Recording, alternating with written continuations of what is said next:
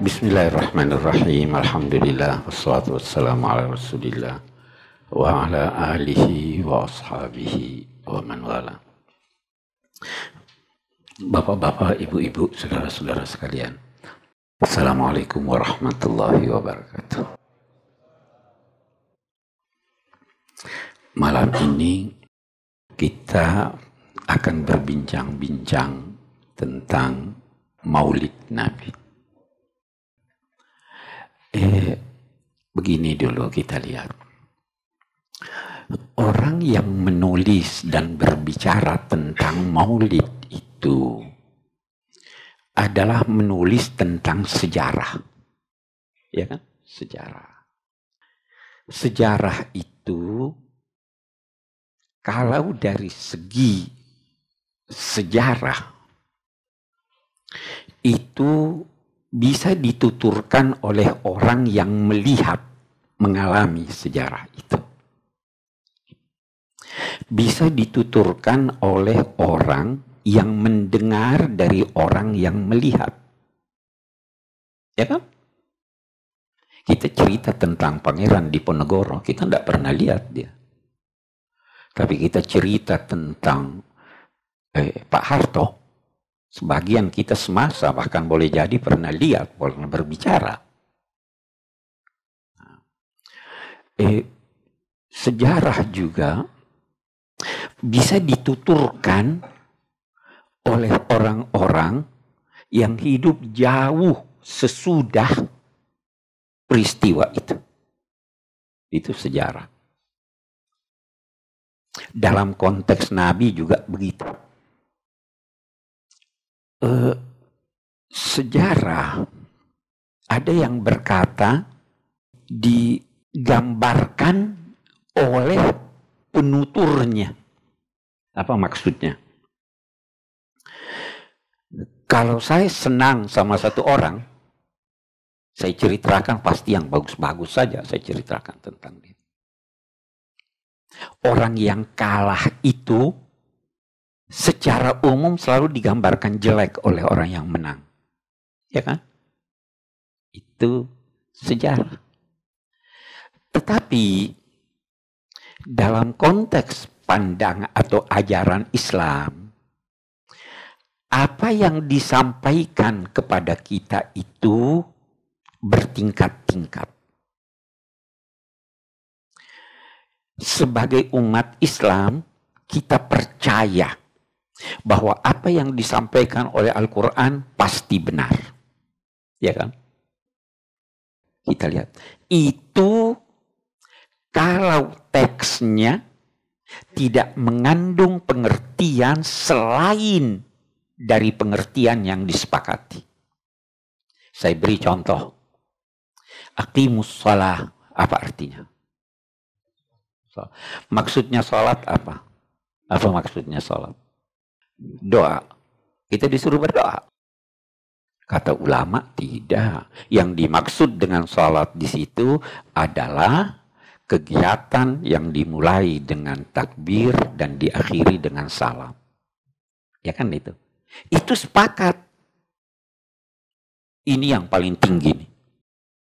Ada Quran tetapi maknanya bisa beda-beda. Ini lebih rendah dari itu.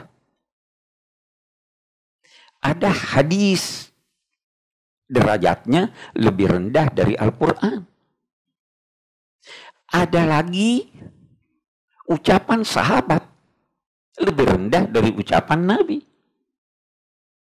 Itu dalam uraian apa pun termasuk dalam uraian maulid itu kita temukan. Bisa jadi di Quran, oh memang banyak uraian di Quran tentang Nabi Muhammad. Bisa jadi di hadis banyak, tapi tunggu dulu hadis. Kita harus pilih-pilih ini hadisnya sahih atau tidak. Bisa jadi bukan hadis Nabi. Bisa jadi orang yang kagum pada Nabi lantas cerita macam-macam. Nah, kita lantas biasa terbentur di sini. apa yang kita baca atau kita dengar tanpa diteliti lagi ini benar atau tidak, kita sudah anggap itu kenyataannya. Jadi ini saya kembali. Saya ingin berusaha menulis sesuatu yang saya tidak mau berkata itu yang pasti benar. Tetapi berusaha menulis sesuatu yang menurut saya mendekati kebenaran. So, tentu orang lain berkata tidak. Apa apa tolok ukurnya? Kalau Al-Qur'an berkata begitu, saya terima. Kalau hadis sahih berkata begitu, saya terima. Kalau hadisnya dhaif, kalau uraiannya bertentangan dengan itu saya beri contoh, saya beri contoh. Berpagi-pagi saya beri contoh. Itu kan kita baca katanya eh, Nabi Muhammad Shallallahu Alaihi Wasallam. Sewaktu pergi membawa dagangan Sayyidah Khadijah. Dia singgah di satu pohon. Terus ada pendeta lihat. Eh, siapa itu orang yang singgah di pohon itu? Itu pohon sudah sekian lama tidak ada yang singgah di bawah situ kecuali Nabi. Benar ini. Terus dicerita lagi oleh Maisarah. Ya kan itu kita dengar toh. Maisarah berkata, saya lihat Nabi kalau jalan selalu diteduhi oleh awan dan saya ada lihat dua malaikat yang selalu menaunginya. Kita bertanya, Bisakah manusia melihat malaikat? Bisa atau tidak? Tidak bisa. Jadi bagaimana ini bahwa dia melihat dua malaikat? Kita bilang eh, kita jangan dong. Bahkan itu riwayat yang menjadi sumbernya itu seorang tokoh bernama Ibnu Ishaq ditulis kesingkatan sejarahnya itu oleh oleh eh, Ibnu Hisham dia berkata, wa yaz'amun annahu kada. Yaz'amun itu adalah suatu istilah untuk menggambarkan keraguan pengucap tentang kejadian itu. Yaz'am dia kira begini, padahal tidak. Nah, saya kembali. Kita menemukan di dalam uraian-uraian tentang sejarah Nabi, ada orang-orang atau sejarawan yang uh, uh, me, me, menerima secara mudah semua riwayat. Selama itu mengagumkan. Itu dari segi uh, penerimaan informasi kita memang menemukan bahwa tadi saya katakan ada Quran yang pasti, ada Quran yang artinya bisa beda-beda, ada hadis, ada ini. Itu memang ulama berkata, yang jadi akidah hanya Quran yang pasti. Kalau hukum tidak harus yang pasti, bisa yang Anda ragukan kalau hukum. Kalau sejarah Nah, lantas dia berkata, oke okay deh yang tidak pasti pun. Nah, ini di sini yang sejarah ini yang tidak pasti itu masuklah bercampurlah antara yang benar yang tidak. Apalagi sebahagian penulisnya itu adalah orang-orang yang sangat kagum kepada nabi. Jadi tujuannya itu baik sebagian penulisnya itu sastrawan. Sastrawan itu biasa membesar-besarkan kan? Parabolanya itu terlalu tinggi. Ada yang berkata misalnya, wa akhafta ahla syirki hatta annahu la yakhafuka an nutafu. Engkau itu Orang-orang musyrik takut kepadamu sampai-sampai itu nutfah yang belum lahir udah takut sama kamu. Itu Syauqi, Ahmad Syauqi yang terkenal, itu punya imajinasi yang luar biasa. Dia menggambarkan kecantikan seseorang dengar imajinasinya, dia katakan apa? Qatalal wardu nafsaha hasadan minki wa alqa dimahu fi wajnataiki. Itu mawar membunuh dirinya karena dia cemburu melihat kecantikanmu, baru darahnya itu dia lemparkan ke kedua pipimu. Karena pipinya merah. Itu sastrawan begitu.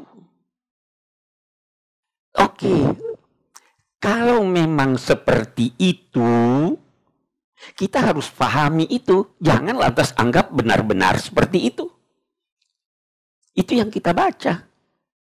Baik yang dibaca di eh, maulid berzanji, dibaca di ini.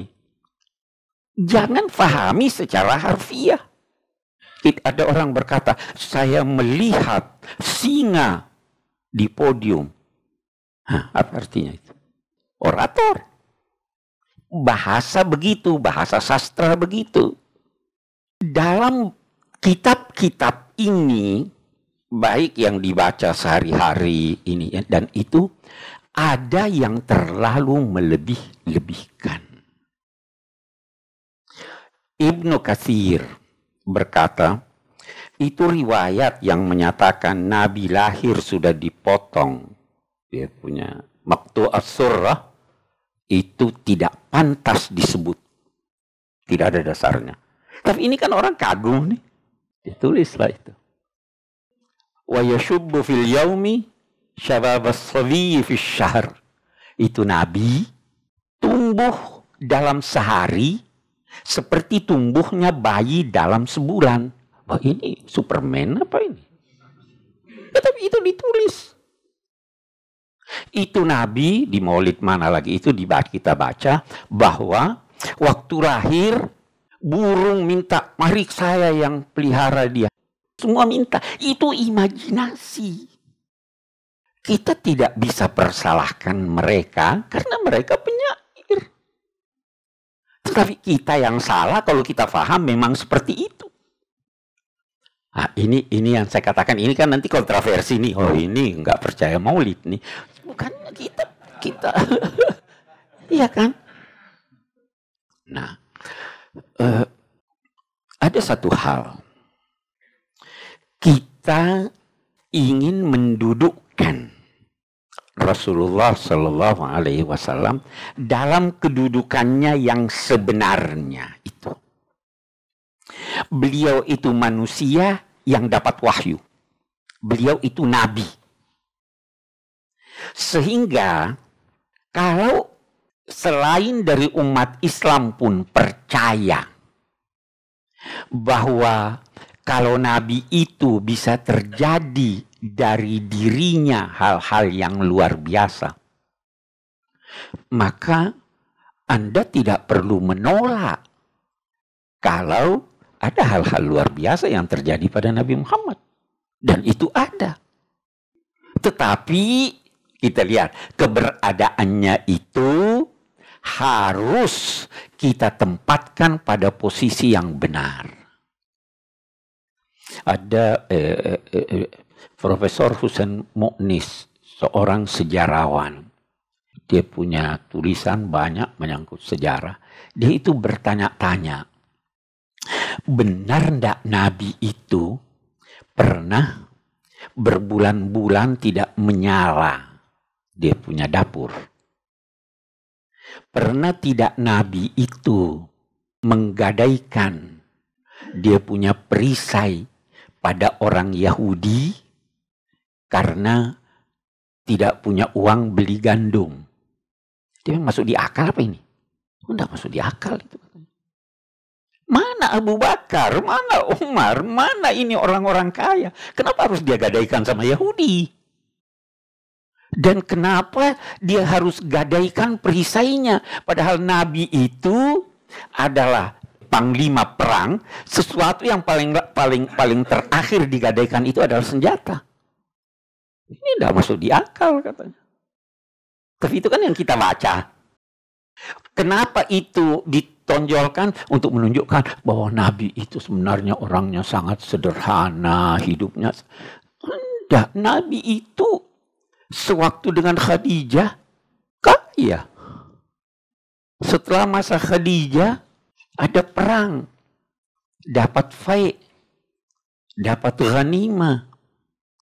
Jadi, kita tidak perlu eh, menonjolkan itu semua. Tetapi pasti ada hal-hal yang luar biasa. Hal-hal yang luar biasa itu kalau berkaitan dengan kenabian, kita taruh di atas kepala kita. Tidak mustahil. Baik Bapak-Bapak, Ibu-Ibu, Assalamualaikum warahmatullahi wabarakatuh.